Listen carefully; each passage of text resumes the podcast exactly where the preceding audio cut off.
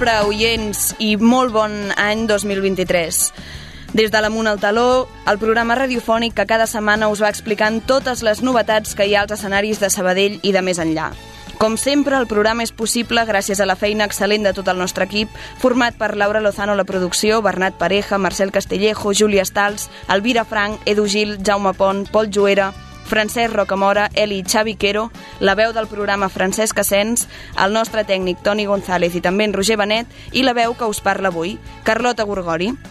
Des del programa esperem que aquestes festes hàgiu gaudit amb la família, amb els amics i hàgiu viscut el Nadal a Sabadell amb totes les propostes culturals i lúdiques que hem tingut a les nostres mans. Però sobretot esperem que hagueu anat al teatre. Heu fet alguna llista de propòsits d'any nou? Anar més al gimnàs, fer més esport, anar més al teatre, potser? Nosaltres sí que n'hem fet i tenim un sol propòsit. Encetem aquest 2023 amb aquest primer programa damunt al taló amb el propòsit de continuar fent arribar la informació teatral a tots els ciutadans de la ciutat de Sabadell. Després d'això, doncs, arrenquem el programa fent un repàs dels seus continguts. Amunt al taló. La secció de la platea indiscreta farem un repàs de la cartellera de la nostra ciutat amb la Júlia Stals. Com serà el ritme teatral d'aquest any? Entrevistarem a l'Oriol Roca per parlar de La Bufanda, un espectacle de dansa i teatre que estarà a la Sala Bada Badoc de Barcelona. Dos dels nostres col·laboradors es van infiltrar a la cavalcada de Reis del passat 5 de gener per conèixer els detalls més màgics. Parlarem també del quadre, amb Josep Seguí i Joan Vives, que es podrà veure els dies 14 i 15 de gener a l'Espai Àgora. I per acabar, Teatre de Franc. Amb l'Alvira comentarem dues propostes barcelonines. Per una banda, parlarem de Deja Vu al Teatre Nacional, un espectacle de circ que difumina amb humor les fronteres entre realitat i fantasia. I parlarem també de La gran farsa, a la Sala Beckett, de Santiago Fondevila, una comèdia política que denuncia la mala salut democràtica. Ara sí, doncs, amunt al taló. Els dimecres al vespre, Amunt al taló. A Ràdio Sabadell. La platea indiscreta. Moment d'obrir agendes. Repassem què hi tenim a la cartellera local setmanal de la mà de la nostra col·laboradora Júlia Stals. Bon vespre, Júlia, i bon any. Bon vespre i bon any, sí, 2023. Doncs som-hi, què tenim aquest cap de setmana? Comencem al Teatre Sant Vicenç, que representaran en blanc divendres i dissabte a les 10 de la nit. I també tenen els pastorets dissabte i diumenge a dos quarts de sis de la tarda. Perfecte. Amb què seguim? A la faràndula, que també tenen els pastorets en cartell, que és dissabte i diumenge a les 6 de la tarda. Perfecte. Hi han més coses? A la bàscula figuraran adossats aquest divendres i dissabte a les 9 del vespre i diumenge a les 6 de la tarda. Perfecte. Alguna cosa més? Sí, seguim a la companyia Desordenats que estrena tot a lloc. Divendres i dissabte a dos quarts de sis de la tarda. Perfecte. Alguna cosa més, segur. A l'Espai Àgora mostraran Enfilall d'excuses divendres a les 9 del vespre i oferiran l'obra al quadre dissabte i diumenge a les 8 del vespre. Aquí farem una entrevista en aquest mateix programa. Què més? I, per últim, al Teatre Principal tenen en cartell Nights Trio aquest divendres a les 8 del vespre. Fins aquí, la cartellera de la sí, setmana? fins aquí jo crec que hi ha diverses propostes. I tant. Quin és el muntatge fake de l'últim programa? L'últim programa dèiem que el teatre Nadalat estrenava dinars llargs i era, era fake totalment. Dels diners llargs els que hem tingut de veritat Sí, a aquestes sí. festes. Ja s'ha acabat i ara ja rutina. On podem trobar tota aquesta informació, Júlia? Doncs la podem trobar a l'aplicació Sincronitzats, que està disponible a iOS i a Android, i a la web de Sabell Cultura. Perfecte, doncs a, a mirar les propostes teatrals i a triar-ne alguna. Moltes gràcies, Júlia. Ens veiem la setmana vinent. Fins la setmana vinent.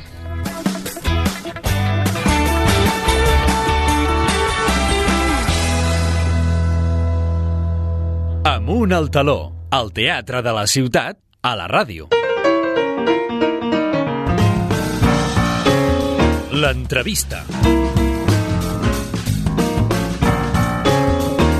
Avui tenim a l'estudi a l'Oriol Roca per parlar de La Bufanda, un espectacle de dansa i teatre que estarà en cartell a la Sala Badabadoc des d'aquest dijous 12 de gener fins al 23 de gener. Bon vespre, Oriol.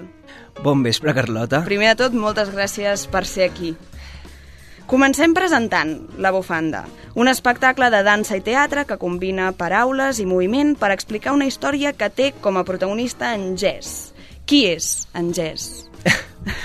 doncs en Jess és el, el, el personatge principal de, de l'obra i gira molt a través de aquest sentiment de quan t'enamores, bojament d'algú, enamorar-se, enamorar-se, eh? Eh I què, què li passa, com ho explica, com, com ho gestiona tot això, no? i això es fa a través de, del moviment i de la paraula. La bufanda, com deies, ens parla d'enamorar-nos de, i, per tant, ens parla de situacions que segurament molts des, dels que estaran al públic s'hi poden sentir representats en algun moment de la seva vida. Creus que aquesta proximitat en les històries a l'hora d'explicar ajuda a connectar amb el públic? Eh, no sé en un cas general, però sí que és veritat que la bufanda eh, és com una obra que pot tocar molta gent, amb l'aspecte de que tothom, d'alguna manera, no, s'ha enamorat a, en algun moment de la seva vida, no? Després sí que ajuda com a, a que tu puguis connectar encara que no hagi sigut la mateixa història que jo estic explicant amb el que tu has viscut, però sempre hi ha com, com alguna coincidència o paral·lelisme. L'essència no, de l'enamorament a vegades en... pot variar molt, però sempre hi ha alguna que potser et fa connectar amb la història. Sí, jo crec que sí, no? perquè és com una miqueta com aquesta bogeria de l'amor que, que potser ho tens més quan ets més jove, no? de enamorar-se i, i sentir-ho tot i sentir que el teu món se'n va al traste no? si s'acaba si aquest amor i, i gira molt entorn a, a aquest concepte, sí, sens dubte. Com deies, la bufanda ens parla de l'amor, de la toxicitat potser en, en, dins d'aquest amor de la dependència emocional.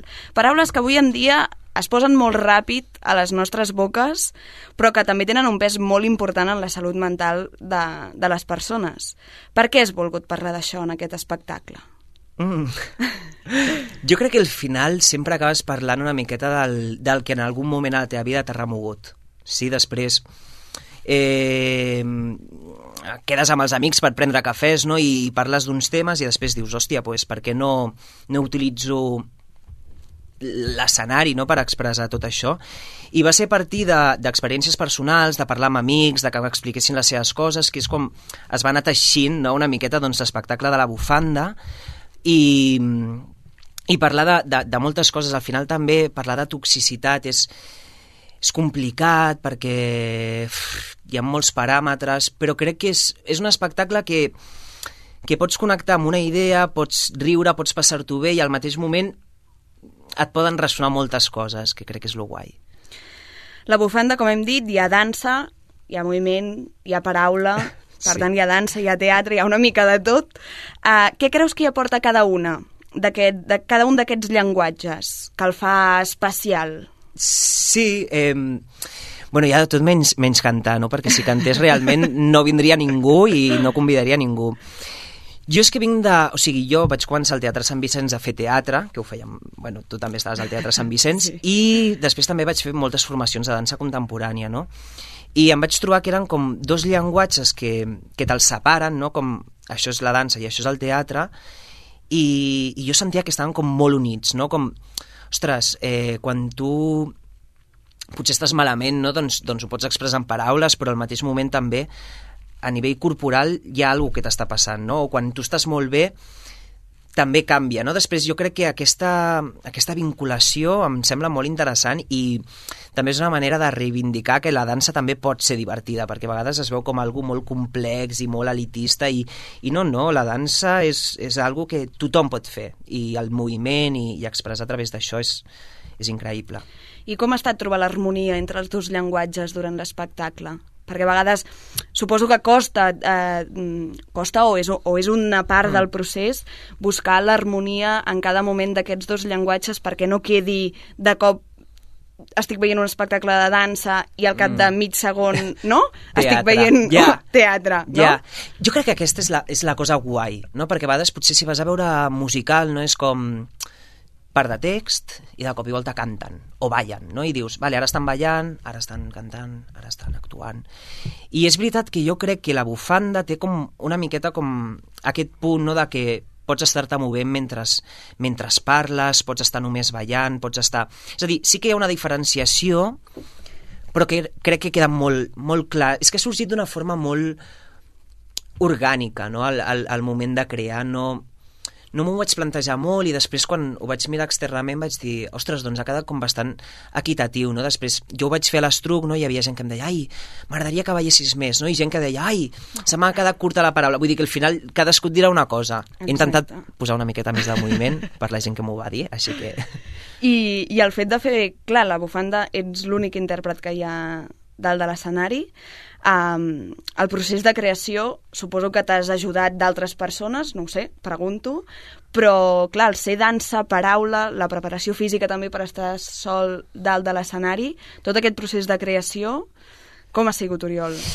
Eh, a veure, la, la creació ha sigut bastant sol, perquè també va ser després de, de, del confinament, les escoles de dansa van tancar per, per coses del govern i tal, després jo com que treballo a una escola de dansa doncs vaig començar a utilitzar doncs, l'espai del Camí Estudio, que estic molt agraït, ho dic des d'aquí, eh, per, per crear aquest espectacle. No? I després, quan jo el tenia com una mica creat, vaig començar com a convidar primer amics, amics que potser no estan ni relacionats amb el teatre i els deia què us sembla, us agrada, no us agrada... I a poc a poc no és com aquella cosa que tampoc saps on va, però va creixent i després, a poc a poc, vaig dir, dic, vale, mm, aquí això vull, vull, que, vull que segueixi, i li vaig ensenyar a la Sol Picó, que és una coreògrafa de Barcelona, perquè em donés consells, em va donar molts consells, em va ajudar a obrir molt la ment, no? perquè té molta experiència i també li he ensenyat a, a diferents persones del sector, i després ha sigut una miqueta això, sí que ha sigut una creació molt pròpia, en el qual molts moments m'he sentit sol, però no és dolent sentir-se sol. I després he tingut també molt el suport, jo crec que d'amics, de, de familiars, de, de gent molt desinteressadament, i ha sigut, sens dubte, de, de, de lo més bonic de la bufanda, el, aquest suport desinteressat, perquè no és fàcil trobar-ho. I el que deies, a vegades portar un procés sol, hi ha moments de, de soledat, i sobretot sabem que en el món de, de l'espectacle, del teatre, de la dansa, hi ha d'haver una constància, molt grossa darrere també perquè un, perquè un projecte tiri endavant i a vegades no sé si t'has trobat que l'estàs sol era com un altre Oriol per darrere dient va Oriol, no? Uh, seguim que això de en, en, encara que no ho vegis ara hi haurà un, un resultat Sí, és a dir, sí que ha d'haver-hi com una disciplina, però tampoc m'ho vaig prendre molt com anem a ser superdisciplinats. Era que realment, o sigui, realment jo quan vaig començar a crear aquest espectacle era que jo necessitava poder-me expressar. No? Després no era Uah, això ho hem de patar o no, era necessito jo per mi mateix fer-ho, no? I després, a poc a poc, va anar sorgint i potser la disciplina ha sigut més quan ho he hagut de tornar a assajar, he hagut de tornar a fer coses, perquè a més a més hi ha una cosa que jo crec que a vegades la gent pots, pots, pots no ho pensa, no? però moltes vegades quan tu assages teatre tu tens l'assaig a les 10 i a les 10 i 5 ja estàs començant a assajar l'obra. Amb dansa, tu comences a les 10 i tens una hora de preparació física, perquè al final pensa que les lesions és algo que has de treballar molt no? per no tenir-les, després has de cuidar molt el teu cos, has de practicar o ioga o has de fer uns entrenaments físics que tampoc han de ser a, a nivell duríssim, però han de ser molt de consciència corporal per entendre que tot en el teu cos està funcionant, perquè si no, malament. Sí. Clar, i això, clar, també és cert que potser també l'estar sol hi ha la part positiva, de portar el teu ritme, de sentir-te com estàs en cada moment, de què necessites avui o què no, també és, és important a l'escoltar-te, et serveix per escoltar-te realment des de...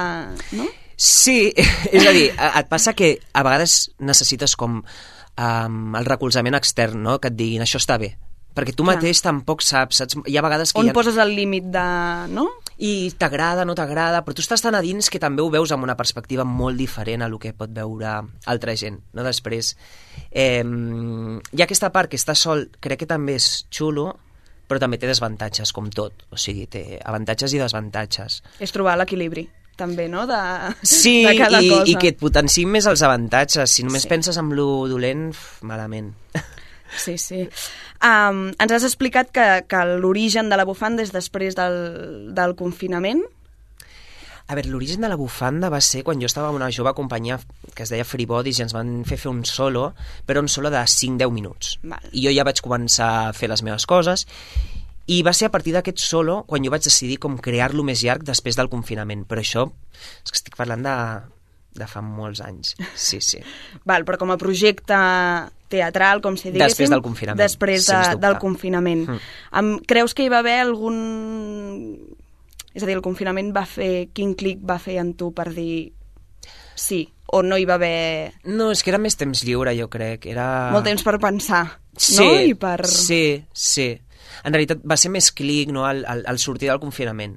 Allà va ser quan, quan em vaig adonar més que volia fer. amb, jo crec que tots ens vam sentir de la manera que fos amb necessitat d'expressar-nos, no? De- d'haver d'haver estat tan tancats que l'expressió va quedar com molt única i per tu o amb qui estaves, cada cop i volta, Mm. I també surts no, del, del, del confinament i dius ai, anem a provar, anem a jugar, anem a intentar-ho, anem a... És igual si... No sé, si això també és, no? T'ho has de prendre també com un joc, jo crec. Perquè si no, no, no. Si no estaria agobiadíssim. perquè és, és complicat. Ja. Perquè, jolín, eh, bueno, són moltes coses i si ets una mica despistat, que jo sóc una mica despistat, ja... Uf, Se'n malament. va. Però La bueno. bufanda, com has dit, es va estrenar a Sabadell, resultat d'una residència tècnica de l'Estruc, i ho va fer amb les entrades esgotades. Ara fas el salt a Barcelona. Com ha sigut això? Com et sents? És que això ha sigut en realitat doncs, doncs anar passant el projecte a diferents teatres fins que va haver-hi dos que els hi va com mig interessar no? i jo, uah, quina, que, que, que, que trio, no? Perquè, clar, en el moment que dos, dos estan interessats, tu pots triar, no? I és com, vale, que trio. I, i va sorgir una miqueta natural. L'altre va com mig caure amb el pas del temps i es va quedar a la sala de Badoc a Gràcia, carrer Quevedo 36. Eh, i, I ha sigut molt així no sé, com molt natural. Jo visc a Barcelona també, després també tenia moltes ganes de, de fer-ho a, a la ciutat de Barcelona, tot i que sóc de Sabadell i molt orgullós, eh? Això ho he de dir. Sí. Molt bé, doncs va, per acabar, Oriol, a tall de promo. Vinga. Lliure, per què hem de venir a veure la bufanda? Mira, heu de venir a veure la bufanda per diferents motius. Primer de tot, perquè és un projecte que està fent un noi sol, sense tenir cap mena de recurs de producció ni econòmic, és a dir, és una cosa que està sorgint des de la il·lusió que no us penseu que surten moltes coses des d'aquí, no hi ha un, un projecte econòmic darrere, no, no tinc grans marques, eh, Ràdio Sabadell ha sigut perquè eh, vaig parlar amb el Marcel i tal, vull dir, no és una cosa que em sigui fàcil de moure i, i ho estic intentant a tope. Jo penso que la gent que intenta, jolín, pues se li ha de premiar d'aquesta manera. Per què la bufanda? La bufanda és un espectacle que combina la dansa contemporània i el teatre. Són dos mons que a priori poden semblar molt diferents, però quan els ajuntes veus que tenen un, un cert punt de relació. És un espectacle que es tracta amb un to humorístic, per tant, allà aniràs a passar-t'ho bé. Important, també, que a vegades això ho hem de dir, eh? Sí, jo no vull que sigui molt dramàtic, perquè si Vale. no se'n va tot el, a, el garete. Però, al mateix moment, també és com un espectacle que potser surts i i algú t'ha tocat, algú t'ha remogut, algú ha passat, no? I a mi això em va molar molt, perquè quan ho vaig fer l'estruc ho vaig poder veure en primera persona, no? La, la gent que sortia i era com... Fuà, saps? Que em... Buah, necessitava això. Així que a mi em faria molta il·lusió si vinguéssiu a veure-ho. I, i això, i si ho compartiu a les xarxes, si sou una miqueta doncs, aquest Estàs a l'Instagram, tens un Instagram, de la bufanda... La bufanda barra baixa, crec, sí, Doncs algo allà. així. així que, moltes doncs, gràcies. Moltes gràcies altra vegada per venir avui a l'estudi Oriol. Recordem, l'Oriol estarà a la Badabadoc de Barcelona amb la bufanda des d'aquest dijous 12 de gener fins al 23 de gener. Tenim dies a les 8 del vespre, De dijous a dilluns. de dijous a dilluns, però encara molts dies. Ja va Molts bé. dies, però les entrades del primer dia s'han esgotat, així doncs que vinga, apa, a tope. ja podeu entrar a la pàgina web de la Sala Badabadoc per comprar les entrades i des d'aquí doncs, només et podem desitjar molta merda i, i molts encerts en aquest projecte, Oriol. Vindràs, Carlota? Vindré. Vinga, eh, m'ho apunto, eh? Que pensa que és un, és, un, és un espai... Molt, a més a més mola perquè és un espai com així petit, no? Després, com que hi ha una connexió molt gran amb, amb el públic, així que... Ja vaig a buscar tope. dia i entrar a la pàgina Vinga. web. Som-hi. Gràcies, Oriol. A tu, de veritat, moltes gràcies, m'ho he passat molt bé. Que vagi bé. Amunt al taló amb els teatres de l'estar.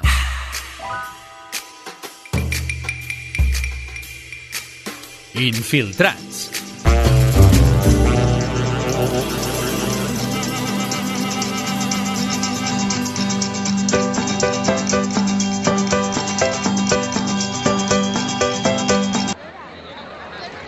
Bon vespre, ens trobem a la Creu Alta amb el Pol Joera, que avui ens infiltrem a la cavalcada de Reis.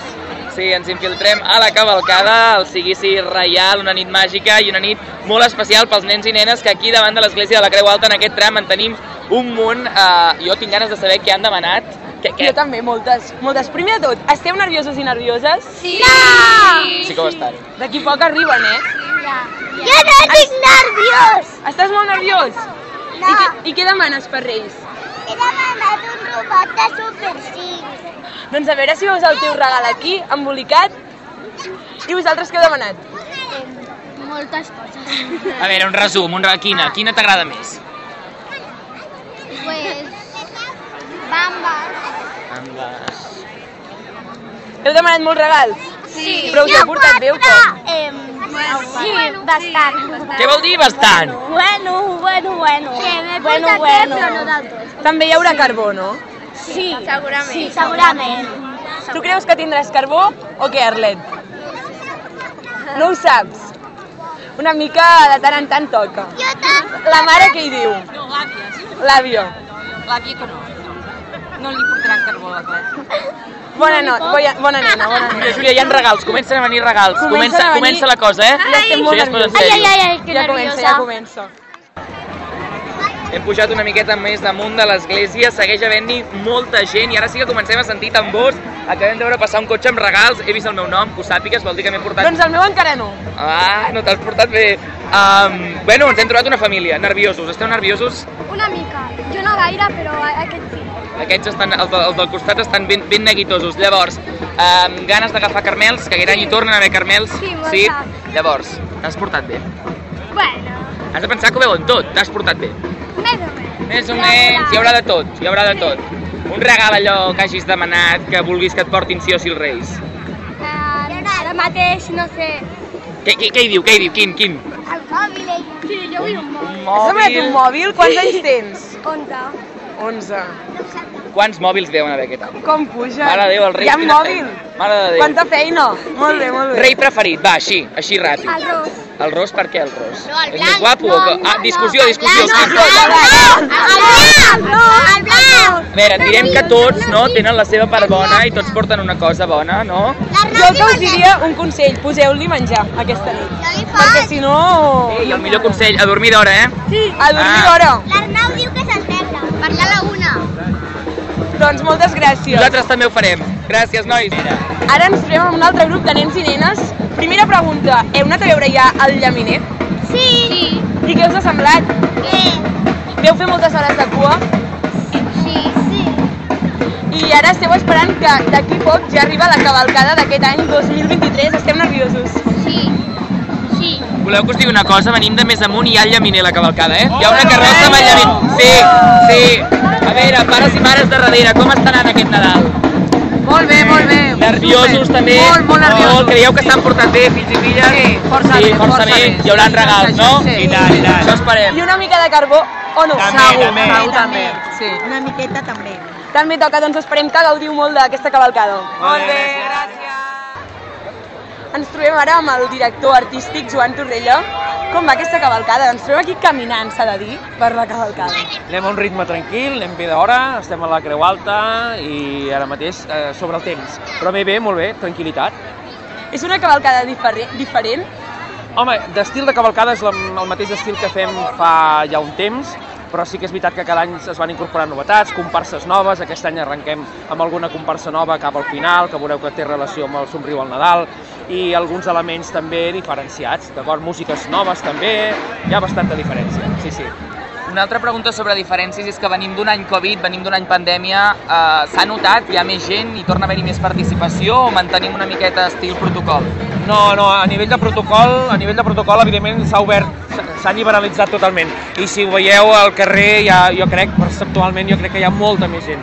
Ja veig la gent molt animada, molt tranquil·la, ja s'ha vist durant tot el cicle de Nadal amb tot el que hem anat fent, i avui jo crec que hi ha molta gent, no sé quanta, però n'hi ha molta. Estem fent un infiltrats, eh, director artístic, com, com, com, està, com ha funcionat la direcció interna, no? una miqueta que, que, que implica ser director de, la, de, de cavalcada, no?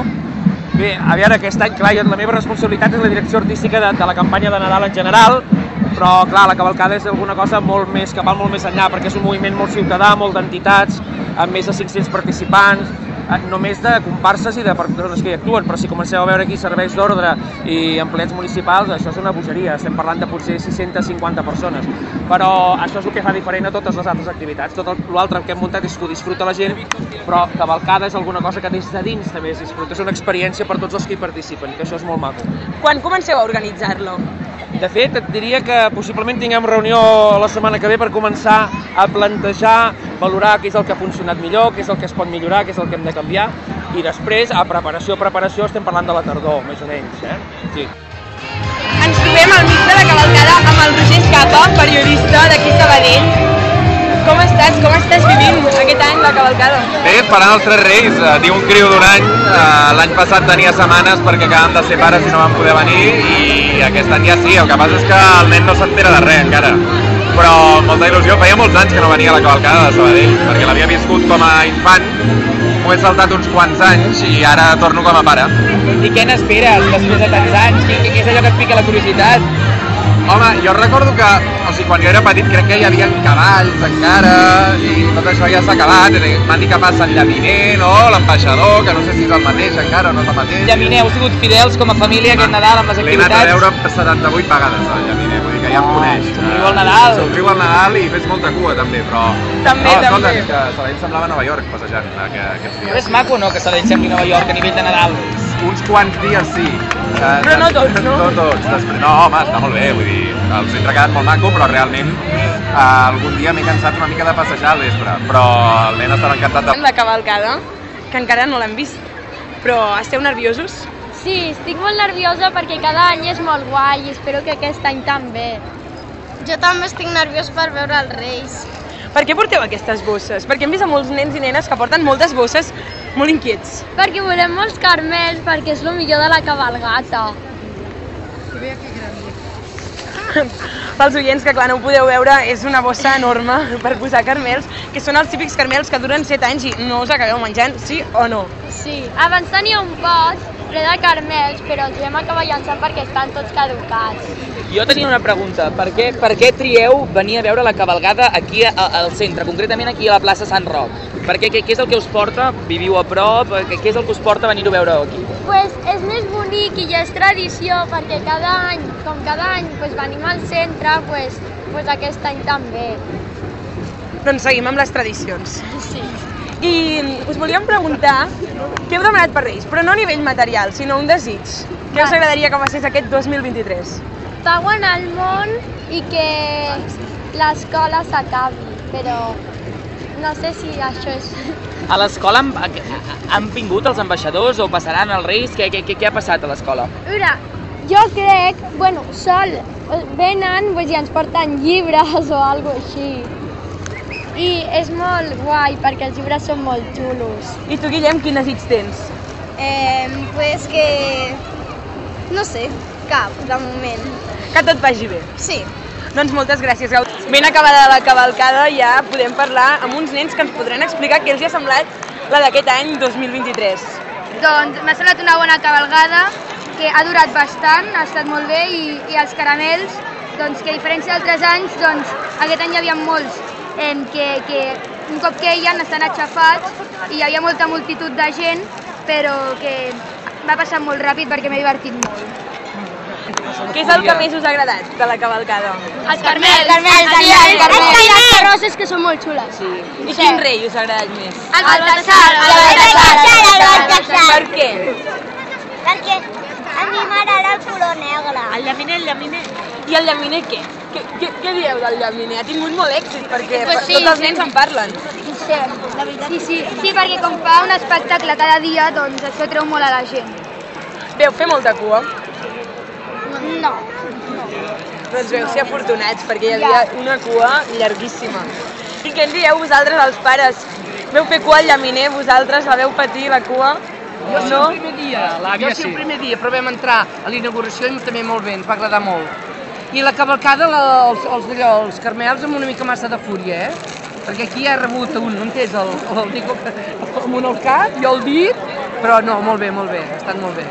Què milloraries, doncs? De... Això, que ho tirin però amb una mica de... De cura. Sí, una mica, exacte, que veia que hi havia nens petits, que, tirin, que tirin sucos. Seria també una alternativa. Ja ha acabat la cavalcada, estem tornant una miqueta cap a la Creu Alta, estem pujant i la gent aquí encara segueix collint carmels que no ho estan veient, l'audiència, i res, uh, bon vespre, què tal, com esteu després d'aquesta cavalcada? Molt bé, la veritat, molt contenta. Sí, sí, està molt bé. Super satisfetes. Fem una, una miqueta una review de com, de com ha anat, una miqueta una crítica, què, què us ha semblat la, la cavalcada? Mira, a mi m'ha agradat molt, però no he vist cap regala per mi no. bueno, crec que...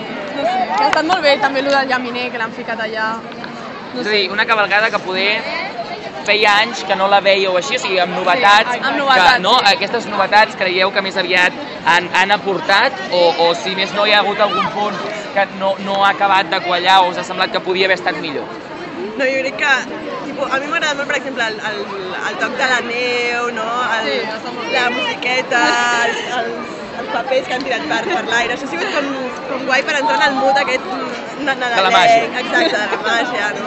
I jo crec que en general bé, tot bé, sí, molt guai. I tu de petita, en general, de petita com, com les, les recordeu, aquestes cavalcades? Igual, màgic. Bueno, Però igual de pitjor, màgiques, igual de màgiques o Eh? Jo crec que han millorat. Més. Sí, jo crec que han millorat. han millorat amb el temps, creieu? Sí. I què realment... Les carrosses són i, més maques. i, què, I què allò, per trobar-li un puntet a la cavalcada de cara a pròxims anys que els Reis ens escoltin, no? que la- l'organització ens escolti, què canviaríeu? Petits detalls o què afegiríeu? Més neu. Més neu. Més neu? Bueno, que les xutxes no les llegin amb tanta força. L'heu trobat llarga o curta? O peda... curta, curta. Jo l'he trobat curta. Per mi ha estat bé. Mi curta. I no, us hi fa, I no us hi fa falta perquè sí que hem vist en vídeos d'altres anys, ens hem documentat que hi havia cavalls, hi havia una miqueta uh, un món més, més eh, realista, un món més material, que us, hi ha, us hagués molat eh, una entrada amb cavalls, allò, la policia, tocó, tocó. Sí, sí. A mi no. A mi sí. A els És que, bueno, pobrissons els cavalls, no sé. Ens estressaria. És un tema, és un tema delicat, no? Sí, Les animals a, a les cavalcades. a- nivell, a nivell de recorregut ho hem preguntat poc i penso que és un tema bastant interessant perquè heu triat aquí davant del, del, del, de l'Ibèricus, una miqueta més amunt del passeig Manresa, perquè heu triat aquesta zona, que acostuma a ser una zona d'aglomeracions, on, on s'acumula la gent. Doncs perquè, bueno, bàsicament és la meva casa està bastant a prop i quan he arribat, que he arribat a Sant Doi, hi havia aquí un lloc i dic, és el monument, és el monument, i ens hem posat aquí, llavors ja s'han vingut i ja està. Proximitat. Després de la cavalcada, una cosa que m'interessa, què es fa després d'una cavalcada, sobretot vosaltres que sou joves? Però, com a joves, no dieu mentides. Exacte. Què es fa? A veure, doncs anar a berenar al voltant de xurros. Sí, xurros. Xurros? Però anar a berenar són dos quarts de nou del vespre. bueno, però per un cafè sempre hi ha temps. Un cafè que poder s'allargarà fins les 12 i després ja sopar, sortim de festa. I quan anirem a dormir d'hora, nens i nenes? Ui, avui no, eh? Home, avui s'ha d'anar a dormir... Gràcies, aquí hi ha gent que saben les tradicions. Doncs us deixo que heu d'anar a fer el cafè ràpid i heu d'anar a dormir d'hora. Moltes gràcies. A vosaltres. Amunt al taló, al teatre de la ciutat, a la ràdio.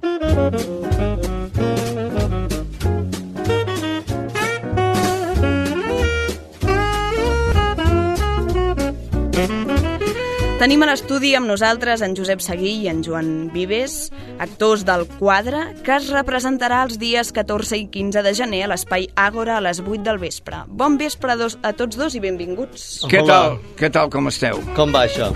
Doncs som-hi.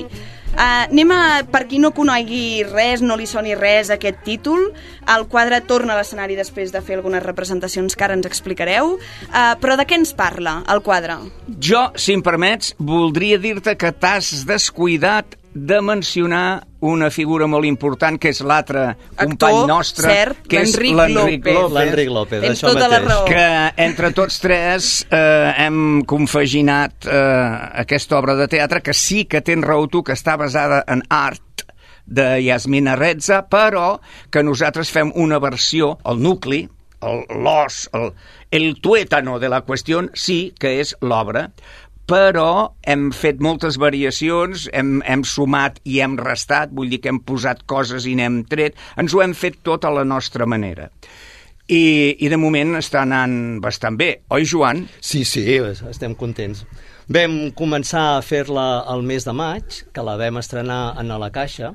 Després hem fet tres representacions a l'Àgora en el mes d'octubre i ara el, també l'última va ser el dia de Nadal a la nit i ara estem aquest cap de setmana, el dissabte i el diumenge. La llàstima és de que no hem pogut programar tres setmanes contínues, eh, els caps de setmana o un mes, que és el que realment ens haguéssim volgut, no? I també el, que això també ajuda al rodatge de, Per de la tot. funció. No, i a també. més a I més el boca-orella, que també després Ah, també exacte. funciona I molt més. Però això, sí, això ha estat bàsicament eh, causa i efecte de la pandèmia. És que les sales estan Ah. totalment plenes. I, ha I ves que no També és bona molt- senyal, per Hombre, una banda. Bueno, però ha sigut molt ah. complicat trobar aquests Sí, sí. foradets Exacte. Entremig Sí, sí. per poder-ho anar fent, no? Doncs el vostre, al, al final, la vostra adaptació, de què ens parla el quadre? L'obra eh, parla bàsicament no pas d'art o de pintura, sinó de les relacions humanes, no? de l'amistat eh, suposadament incombustible i perenne, no? I... A partir de, de comprar un quadre, Exacte. a partir d'aquí doncs, evoluciona doncs, amb una crítica a, a, a l'amistat entre tots tres. No? Que vulguis o no, a mi em sembla que la gent amb, amb un o altre sempre s'hi sent una mica identificat, o amb tots tres. Sí, eh? home, perquè Joan, hi ha molts casos... Això passa, home. Bueno, és que és així, No, no, és perquè aquesta- hi, ha, hi ha molts casos que, que, que, que, que bueno, són a la vida real. Com Exacte. Per tant, el títol queda tapat, com si diguéssim, sembla que hagi de ser el nus de, de l'espectacle, però és quasi l'excusa L'excusa que per Molt ben anar dit. parlant molt ben dit, molt ben dit. És coses. el quadre, la pintura, l'art... El és... que desemboca sí, a sí, tot la... Sí, és cert que també eh, critica una mica aquesta espècie d'esnovisme, no? aquest afany de dir Total, "Oi, això, això és total, sensacional. total. Jo recordo que era, que era nano, ja fa temps d'això, i anàvem a veure pel·lícules del Bergman, Igmar Bergman, Sí. que vosaltres no sé si sabeu. Ella no, Jo la, sí, la Carlota, jo- però tu jo encara sí, l'has... jo- jo home, rigo, jo- jo Joan, rigo Joan, eh, tu, tu has fet la milimllança, eh, siguem, siguem sincers. I anaves a veure unes pel·lícules del Bergman, de jove, és que jo no en tenia un borrall, no en tenia res, però sortís de... Que és bo aquest paio, no? Sí, home, sí. Perquè sembla que si no ho diguis, Ah, no quedes clar. bé, eh? Ah, I això passa Això aquí. I això passa, i Sí. això passa a la vida real, home, ara que, aquests dies de, de, de festes, saps que vindrà a dinar fulano i solano i la tieta Margarida dius, oh, quin rotllo, tu, i quan venen, ai, quina alegria, tota aquesta Bueno. hipocresia. Doncs el que, el que surt a l'obra És és, és, això. És, exactament, és aquest, van caient aquests, aquests Aquestes vels màscares, fins eh? que a última hora t- t- ens sincerem l'un a l'altre. Perquè I la re- mentida tampoc es pot mantenir massa estona, eh? Hi ha No, un moment que no, sempre no, acaba no. caient, no, oi? no, però és que tampoc, tampoc és mentida. És, jo diria que el, que reflexa, em sembla a mi, eh? corregeix-me, Joan, que tu sempre No, no, ho si ho fas. fas molt bé. Gràcies. Um, és, és, és aquest cansament de, de ser hipòcrita. També dius, bueno, escolta, ja està. Ja si està. al final tu ets això i l'altre és allò i l'altre és això. Però, però està força bé, està, està força bé. Per tant, com dèieu, eh, el quadre ens parla al final de l'amistat, Sí, d'allò sí. que trenca relacions i d'allò que també es pot fer per reconstruir-les. Clar, les relacions Bueno. humanes, les relacions Home, és humanes. una cosa que, per exemple, el meu personatge diu no, perquè són tan complicades les nostres relacions. Clar. I és així. I és això, a vegades... I no hi ha més. I a vegades no hi ha resposta, mm. no?, de la- d'aquesta com, mm, complicació de les relacions. No, perquè tots som ca, com som, i a partir d'aquí sí, pues, és el, clar. el problema, no? De- Sí. de- D'enfocar els problemes cap a un cantó cap a un Tampoc, altre. tampoc expliquem massa cosa, No, perquè no si, podem dir si més, comencem no. a Jo fer us vaig a fer una pregunta No, ja... no podem dir més. No, jo ja us faig una pregunta com a, com a persones, ja no com a personatges ni l'obra. Tot és vàlid en nom de l'amistat? No, no, jo crec, vaja, No. jo crec que no. No sé el Joan què No, pensarà, no, no, però... no, totalment d'acord. No, To- no tot és no vàlid. tot és vàlid. És Sí, tots, tots, tenim, tots tenim un límit, tots tenim unes, unes, unes línies vermelles que no creuaríem mai amb, fent anar el sentit comú. No, no. El respecte és bàsic. Sí, home, Però... I, I els personatges entenen de tot això? Sí, Sí? sí. Sí, ells, els personatges entre ells es tenen respecte, Sí. i jo penso una cosa, eh? Es tenen tant de respecte que fins i tot acaben dient-se la veritat. La veritat és relativa, la veritat del que... De, de cadascú el que pensa. Del que pensa, Del que no? pensa cadascú el personatge. Que això no eh? vol dir que sigui eh, La la, veritat. veritat absoluta. No, No. no, home, la veritat absoluta no existeix. No. No sé, va, el poeta va dir que la veritat era un mirall que s'havia trencat en milions de bocins i cada un I de nosaltres teníem un. en tenia un bocin. Això és veritat. Veus? I quin és el problema entre aquests tres amics? Uh, O d'on sorgeix aquesta... Bueno, el problema és de que un compra el quadre blanc... Joan, no diguis tantes coses. Bueno, home, Un però és que Però és una obra que tothom, Ja ho gairebé sé, tothom la que sí, coneix, tots no? la sabem, no? No Sí. passa res. Aquest personatge, bueno, pues és un personatge que, bueno, és, és dermatòleg, té, té, uh, està separat, té dos, uh, té dos fills... Joan, que vas molt... Ja va, estàs fent un spoiler, tio, que no vindran. Bueno, pues ho va, dic- digue-ho tu. No, no, no, Va. anaves bé, eh, però... No, no, va, hòstia, cont- t'has- continua, Fred, és que continua. és molt sincer. El Joan és Veus? molt sincer. És És, molt bon tio. que- No, no, és bon tio. Però esclar, diu, bueno, tio, frena, perquè si, si expliques Bueno, l'argument... però és que això tothom ho sap. Jo, jo crec, bàsicament, em sembla a mi, si m'equivoco em corregiu, que eh, demostra l'obra el cansament això que anava jo, de, de, de mantenir aquesta hipogre, hipocresia, no? que tot va bé i no passa mai res. Doncs pues no, jo crec que la compra del quadre del nostre amic Joan es converteix en el, en el catalitzador o en el disparador no sé si m'explico, en l'erupció d'aquest cansament de, de, de, de voler sempre quedar bé davant dels amics i de la societat i diuen, Que bueno, al final, amb, eh, amb, la, amb els amics, hauríem de poder ser Clar, com som i a si som- vegades si som amics- encara també ens hi posem màscares i Clar, sembla que també. ha de ser un espai segur, no? I l'amistat no, sempre, real... sempre, però tots la portem, Tots una la màscara, portem. Carlota, i, I això la portem amb tu. nosaltres mateixos, hombre, eh? Bueno, i, hombre. I no només amb els altres, I sinó que aquí, també... I aquí es, van, es va traient a poc a poc. Exacte. Ja està. I a vegades són els altres que també te la Ah, fan no puc caure. enraonar perquè ja ho veus, que després... No, Hi ha bronca. Joan, si, però si tens una veu preciosa per la ràdio... No, però explico si va- l'obra. Esclar, explica l'obra, l'explica amb, amb pèls i No, senyals, no. i diu, bueno, i no cal que hi vagi, ja, fem-li- fem-la per la ràdio, ja, no? Bueno, si Lectures voleu, algun dia la venim a fer, eh? També. Quan pagueu? Um, Digui. Joan, com deies, el, el, ja, ja has començat a explicar uh, una mica el teu personatge, però en poques paraules, quin personatge interpreteu? Bueno, a veure... Poques paraules. L'obra eh, té tres personatges Sí. que l'art és el Sergi, és el... Però nosaltres ens diem és diferents noms És i- l'Ivan, Vale. No, i no. nosaltres ens diem els, els, Els- nostres propis noms. Vale. Sí. O sigui, aquí hem fet un canvi. Ens diem això- Joan, Josep i Enric. Que si em permets un incís, Joan i Carlota, això també ens ha ajudat a fer a naturalitzar una miqueta eh, eh, el, els personatges, perquè tots tres ens coneixem des de fa molt temps. Clar, i tots I, esclar, teatre, i cada eh? vegada, I cada vegada que, que jo li dic tu, Joan, jo sóc sincer. Jo estic m'estic referint, Referint. al Joan, i ell el diu Josep a mi, i tot això ajuda, no? Aquesta és una de les petites coses que hem, que hem variat de, de l'obra. original. És I que en- nosaltres vam trobar l'obra en valencià, després la vam tenir que adaptar al català. I fent l'adaptació hem fet aquesta sèrie de modificacions, a part dels noms o algunes més com ha explicat el Home, Josep. esclar, no? però no ho diguis, no ho diguis. No, no, això ens ho guardem, no dic això més, ens ho guardem. No dic més. Això guarda tu. bueno, i són, són tres... Per... Un, un seria, un seria uh, l'esnop, L'esnop. que, és, que series tu. Que és el que compra. Jo seria el, el cregut, poder. No, Joan, Sí, diríem, és sí, que sí. és un cregut, allò que dius... El, el, el, Totalment. Eh? No, home, tampoc n'hi ha, per tant, no em matxaquis. I, i l'Enric seria el fracassat dels, dels tres, Vale. no? Vull dir, aquest, aquest és metge dermatòleg, jo sóc enginyer eh, Aeronàutic. aeronàutic i l'altre... Treballa, doncs, treballa per un tercer. treballa per un tercer i, fa, i, i, i tots aquestes tres personalitats conflueixen a l'escenari i al moment determinat es piquen, es, es, es brallen i en... Però Que no pots venir, eh? I així la veuràs. Exacte, eh? home, i tant. Més ben dit, esperem. Home, i tant. clar. Uh, com deies, al ser un, una obra que parla de l'amistat, és possible que els espectadors se sentin identificats amb Totalment. alguna de les situacions, amb Sí, algun dels personatges. sí. Vosaltres, No, a no, amb tots tres, amb eh? tots Hi ha, tres. hi ha situacions de, de tots A tres. vegades Jo- tots ens comportem d'una manera sí. o d'una altra. Jo crec que sí. Vosaltres, com a persones, Sí. com ha estat aquesta... Us heu sentit identificats amb algun person... amb el personatge que interpreteu o amb algun No, dels jo, que jo, està jo, jo, interpretant jo puc parlar per mi, jo no, jo no, No. no. jo no sóc un cregut, sinó el Joan que em Jo crec que tampoc no sóc esnob. No, No. Eh, no. no, home, no, no, no, no, no però, però, però sí que... Um, Però a sí amb veure, els conflictes amb els que es Esclar, troben? però quan, quan tu prepares un, un personatge, si el personatge més o menys t'agrada, eh, t'hi vols identificar, almenys... Busques la Esclar, connexió amb tu, si no, clar, a veure, és- aquest, Però això aquest... passa amb tots els personatges, eh? Clar, Perquè porten clar. alguna cosa teva. I a més a més, les per...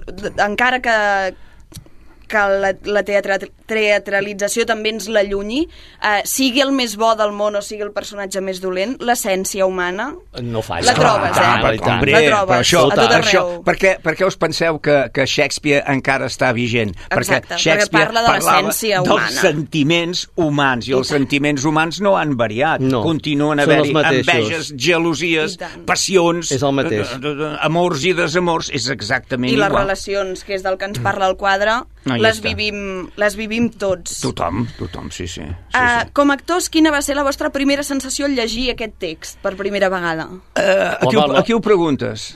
A tots dos, nosaltres, en un, pri- contesteu. nosaltres en un principi vam dir que faríem... eh, Bueno, vam intentar buscar una obra, ens va sortir aquesta que ens va agradar molt, i vam dir, de, va, farem una lectura dramatitzada. Però quan la vam tenir davant, vam dir, això no pot ser una lectura, això l'hem de fer. Clar, i- però, però el naixement, el naixement va ser la, la, la, la llavor, si te'n recordes, Joan, estàvem un dia dinant, Dinant. que era quan es van relaxar les mesures Sí, sí, pandèmiques, i que hi havia la, la Fanny Bulló, que és una companya de teatre també, i, els respe i uns respectius companys i companyes, i van dir, hosti, jo tinc ganes eh, de tornar a fer teatre, que ja està bé, el que portem aquí, eh, perquè tots hem anat fent coses, o cinema, teatre, o tele, o aquestes coses, no? Sí, sí, va ser així, Eh, va ser així, sí, sí, va va ser, ser va ser Va les, ser post- un dinar, va ser les postres d'un un dinar, dinar. i aquesta, aquesta, ga, I va- aquestes ganes que teníem de fer coses. I em sembla Va, que va busquem ser... alguna obra, busquem busquem alguna alguna cosa obra. que surtin màxim tres, Tres. perquè érem els tres. Clar, que... perquè a més a més és difícil després sí. això, eh? Clar. Sí, sí. I, I, bueno, va sorgir aquesta obra i vam dir, escolta, fem-ho fem fem una lectura, que no és menys complicat, però a mesura que ens vam anar endinsant, vam dir, escolta, fem-la en No, sèrio l'hem i de ja fer, està. l'hem de fer. Ja està. I, i, i última hora, bueno, la, la Fanny, que va ser una de les um, originàries de, de la- de la- d'empantar el projecte, eh, ella, ella va trobar alguna cosa que li va interessar més, bueno, total, que després va, es va afegir l'Enric, i aquí estem, vull dir, ho vam fer, ho vam treballar, i modestament, doncs, bueno, mira, déu I ens ho hem passat molt bé, eh? Molt bé, això és I a més, l'important, i això a també més és a molt més és un important. text que agafa. Sí, home. Això és el que us anava a preguntar. És un text representat, és un dels textos més representats amb l'autora encara viva, Sí, sí, a sí, tot sí. arreu del món, en Totalment. tots els idiomes, Sí, sí. um, des de diferents perspectives, amb adaptacions, amb modificacions, seguint al peu de la lletra l'original. Sí, correcte, correcte. Per què és una història que continua sent igualment d'aquelles que la gent té ganes d'escoltar i repetir? perquè parla dels sentiments parla, humans. sí, perquè és real. parla dels sentiments humans. Però i segurament perquè també té els ingredients mèrit de l'autora Totalment. També, o sigui, també que, perquè està perquè superben escrita, hi ha coses que per parlen dels sentiments i duren una temporada No, no, i ningú no, no, més no, les no, vol no, escoltar. però no, el per que, el que Estàs- nosaltres en diem la, la carpinteria teatral, que és, que és la- la- la- l'estructura, l'esquelet, està molt ben construït. Totalment. Entrades i sortides, situacions que fan riure, situacions que del riure passes a la reflexió, de la reflexió passes a... a, a bueno, hi ha una mica de tot. Sí. No ho expliquis més. No, no, ja, ja, ja veig que em miraves, ja està. el, el Francesc Orella, quan la va representar fa relativament Sí. poc a Barcelona, parlava d'això, de, que, de que és un text que té tots els ingredients, Tots. tots Teatrals. teatrals Tots. perquè surti bé, perquè un actor la gaudeixi interpretant, perquè un espectador la gaudeixi veient-la. Sí, senyora, Totalment. estem I- totalment d'acord amb el Francesc Orella. Perfecte. Clar. Doncs des del programa només us podem desitjar que aquests dos dies siguin d'èxit també a, a l'espai Àgora, Esperem que sí. Sí, esperem. o almenys que també vosaltres sigui un èxit per vosaltres, que també és Ja ho- important. ja ho ha sigut, ja ho ha sigut, ja ho ha doncs sigut. ara només cap endavant. Pensa una cosa, nosaltres hem disfrutat tant preparant-ho que, que, que potser ja ens conformaria. Eh? eh no, Bueno, no. però falta, falta I, la home, cirereta, no, la sí, cirereta sí, del home, pastís. La la cirereta gent. ja l'hem anat tenint, però falta. I a més a més de que tenim la- la- l'esperança de poder-la anar fent. Anar fent. Eh? Això també és un tema que... Doncs, doncs esperem també del programa que sigui així. Jo m'anoto també els dies.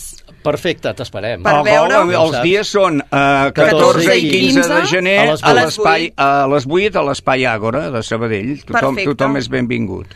Doncs moltíssimes gràcies a tots dos per venir avui aquí a parlar Gràcies del a tu, quadre. Home. A vosaltres. Que a vagi vosaltres. molt bé. Gràcies. Passi bé. Amunt al taló, al teatre de la ciutat, a la ràdio. Amunt al taló.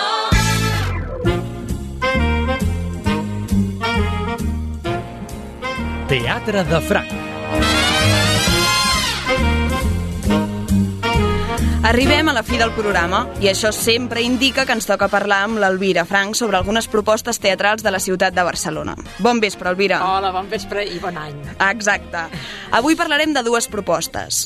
Deja Vu, al Teatre Nacional de Catalunya, un espectacle de circ de la companyia Manolo Alcántara que ens parla de la distància entre una persona i els seus somnis. Exacte. I també parlarem de la gran farsa, Els jutges no porten botons vermells a la toga, de Santiago Fondevila, una comèdia política que parla sobre la salut, o més ben dit, mala salut de la democràcia, que ha estat fins al dia 8 de gener a la Sala Beckett. Exacte.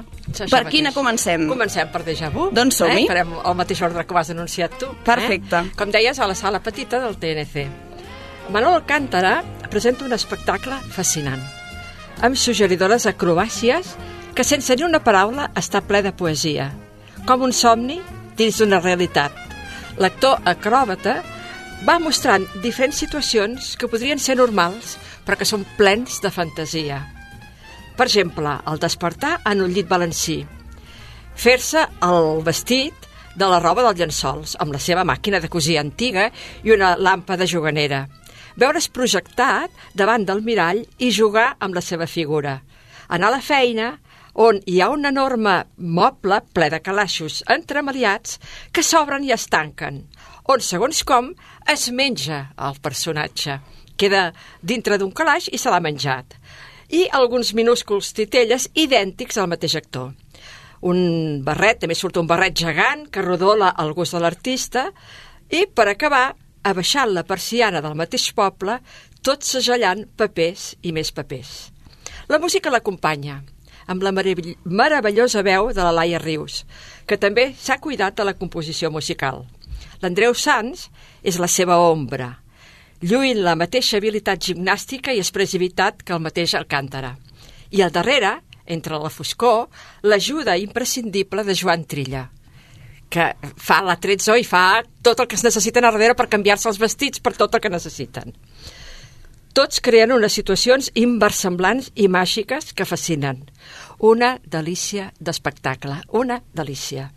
Afegir que aquest espectacle va ser representat fa pocs dies a Sabadell. Eh, justament en el programa vam fer l'entrevista en el Manolo Alcántara, si recordeu. I, I com que estava anunciada com una funció per grans i petits, es va fer força promoció per l'assistència d'infants. Així que vaig mirar d'anar-hi amb el Joel, que té 6 anys. Però els programadors no van tenir en compte l'horari. La feien a les 9 del vespre, una hora molt poc apropiada per anar-hi amb, amb nens. I tant. Eh? Mira, algunes vegades els que programen espectacles infantils fan aquests, aquests petits no, errors. Per exemple, una obra de molta durada, la programen al matí, la comencen a les 12, i no I tenen temps a la canalla d'anar a dinar, dinant massa tard. Llavors, depèn de quina edat, han de dinar a l'hora els crios, eh? O també pot ser a la tarda, massa tard, i per anar a dormir també es fa tard. Però en aquest cas, encara era més inviable l'horari per anar a veure aquesta obra que començava, no? Un error que ja et dic que s'hauria de tenir en compte. Sí. Per sort, vam poder anar al TNC de Barcelona, que la començaven a les 7 de la tarda. I tant el Joel com a mi ens va encantar. Veure un infant, que és un nen que està molt acostumat a anar a teatre, molt, eh? Amb la boca oberta, els ulls brillants, i patant-se de riure, és el regal més meravellós que un adult pot tenir. Doncs sí. Molt. Uh, com deies, eh, es va representar fins diumenge passat el dia 8. Però segur que faran gira perquè tot Catalunya. No us la perdeu. Si Ens aneu l'apuntem. canalla, aneu amb canalla. I si aneu de grans... També ho disfrutareu, També. que això també és important. Sí. Trobar espectacles on hi hagi aquesta complicitat entre l'adult i l'infant, perquè a vegades has d'acompanyar els infants a veure espectacles que com a adult mm, no No- no t'arriba massa, tant, sí. no? i també està bé trobar aquests moments de compartir l'experiència entre l'adult i, I que si va un adult sol sense canalla, Ho disfruta igual. i trobarà mm, altres coses que els crios no Exacte, troben. Eh? exacte. Perquè només veure l'expressió i com es belluga i com treballa, eh, això el la canalla no ho capten tant, però Clar. els adults ho veiem i és per, per passar molt bona estona amb qualitat. Doncs ja ens apuntem, i si veiem algun bolo... Cap allà. Cap a Deja Vu. doncs passem a parlar de la gran farsa. La gran farsa, els jutges no porten botons vermells a la toga. A la sala Beckett l'estan fent.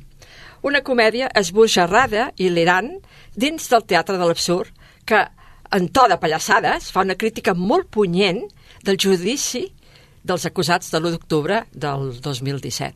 Eh? Qui ho vol trobar, aquesta crítica la troba. La troba. Qui, Qui no, no, la vol tampoc, trobar, ja. tip de riure i, i, no, ja hi- i està. no hi troba res més. Eh? Però té aquest, té aquest fons, eh? Uh, el text del periodista Santiago Soldevila, que s'estrena i amb molt d'encert en la faceta de dramaturg i la direcció de la mà experta de Ramon Simó, un director que gaudeix presentant espectacles agosarats i que sempre porten el seu segell personal. En aquesta ocasió ha sabut treure totes les facultats interpretatives dels comedians, confiant en persones ja conegudes en papers còmics i també donant el mateix mig seriós, però humorístic, i una mica grotesc actors no tan relacionats a personatges còmics. Actors que sempre, els, o generalment els hem has vist més en- seriosos, exacte. no? I llavors els ha donat aquest to... Bueno, a través de la serietat, que a vegades també pot sortir la, Aquí està la, la gràcia. comèdia. Aquí està la gràcia, que ells ho fan tan seriosos i en canvi tot és molt punyent. Clar. Eh? Eh, Ha sabut combinar le- les dues coses. L'escena, només amb una cortina enmig de l'escenari i una barra de focus de teatre, queda molt ben ambientada amb la resta de les parets despullades de la sala Beckett. Si heu estat, sabeu que són unes parets mig pintades, sí. eh? doncs hi queda molt adient. Els actors representen a quatre presos que fa anys que estan entre reixes. Aquí ja comencem. per passar l'estona, munten una obra teatral i es converteixen en actors amateurs. Hi ha un rei, fabulosament interpretat per Jordi Martínez, que ja el coneixem de, de moltes altres intervencions, que no li cal anar amb el vas vermell per demostrar la seva gran faceta de clown. David Begès, que representa a la reina, amb un to molt estripat, que últimament l'hem vist aquest actor fent diversos papers còmics sempre bastant exagerats. Eh? L'hem vist també en seriosos, però ara últimament més menys fa coses... Sí. Uh, llavors hi ha el Xavier Ripoll, representant diversos personatges, un actor que amb la seva gran veu i posat seriós sap donar el to adequat per fer situacions molt divertides. I el sabadellenc Santi Ricard, el polifacètic actor que l'hem vist en diversos registres, sempre encertats, còmics i seriosos. Tant l'hem vist en companyies sabadellenques com en grups de teatre d'arreu. Una paròdia força divertida, amb diàlegs enginyosos i paraules amb doble sentit, molt adient amb tot el que està passant actualment eh, en el nostre país. Eh? Hi ha crítica també eh, de lo que està passant ara, eh, de tant en tant. Potser, potser, els jutges no porten botons vermells a la seva toca. Però s'hauria de mirar si en el seu cervell hi ha un semàfor que sempre està d'aquest color. Això sí que s'hauria de mirar. Una crítica i molt divertida i molt ben combinada, amb, llocs, amb tocs més seriosos, però molt, amb una combinació molt, molt ben portada. També aquesta, i em sembla quasi del començament també, es va representar per última vegada a la Becker la setmana passada, dissab, diumenge passat. Però estic segura que la repetiran. Doncs també. han tingut molt bona acollida i a vegades a la Beckett ho fan això. Sí, fan- Tres o quatre setmanes o poques setmanes i llavors si veuen que, que ha anat bé, a la temporada següent la tornen, Tornen. a fer. Esteu al Per cas. tant, també ens l'apuntem. El que deies d'aquestes mm, referències no? que, que, que pots sentir del, del judici de l'1 d'octubre, sí. A vegades també és el, segons com t'arriba una obra, segons les vivències que tu has tingut, no? És aquesta, aquesta màgia que té el teatre que arriba de manera diferent segons l'espectador que, que l'estigui veient, perquè potser parlaríem amb una altra persona I no que no va viure l'1 d'octubre del 2017 i li ha trobat una altra Exacte. referència, una altra situació que va viure, no? Exacte, Vull dir que és la màgia molt. aquesta de, I també, de connectar. I també depèn molt del dia que un va veure teatre. També. Eh? Aquesta era una obra bastant adient per veure-la després d'un dinar, per exemple, d'aquestes festes. De- exacte. Perquè tot i que doncs, et feia reflexionar i hi havia aquesta crítica, però com que era divertida, doncs ja quedava bé. Exacte. Eh? O sigui que depèn del dia, depèn la persona, el teatre serveix per és tots. això, és això, és això, i tant. Doncs ens apuntem Deja Vu i La Gran Farsa per si surten bolos que ens vagi bé per, per poder-les gaudir. Doncs moltíssimes gràcies, Elvira, una vegada més per les teves aportacions teatrals. A vosaltres. Ens veiem aviat. Això mateix. Adéu-siau. Adéu. El Teatre Sabadellenc a Ràdio Sabadell. I després de parlar amb l'Elvira, finalitzem l'Amunt al taló d'avui. Us recordem que podeu recuperar tots els nostres programes a Spotify. Només cal que busqueu Amunt al taló al cercador i hi trobareu els nostres podcasts. Rescateu també aquest programa i tots els altres al web de Ràdio Sabadell. No us perdeu les novetats a les nostres xarxes socials, a Instagram, arroba amuntaltaló.està i també a Facebook. Tornem la setmana que ve per seguir parlant de teatre local i de tot allò que passa als nostres escenaris. Gràcies per escoltar-nos una setmana més. Amunt al taló.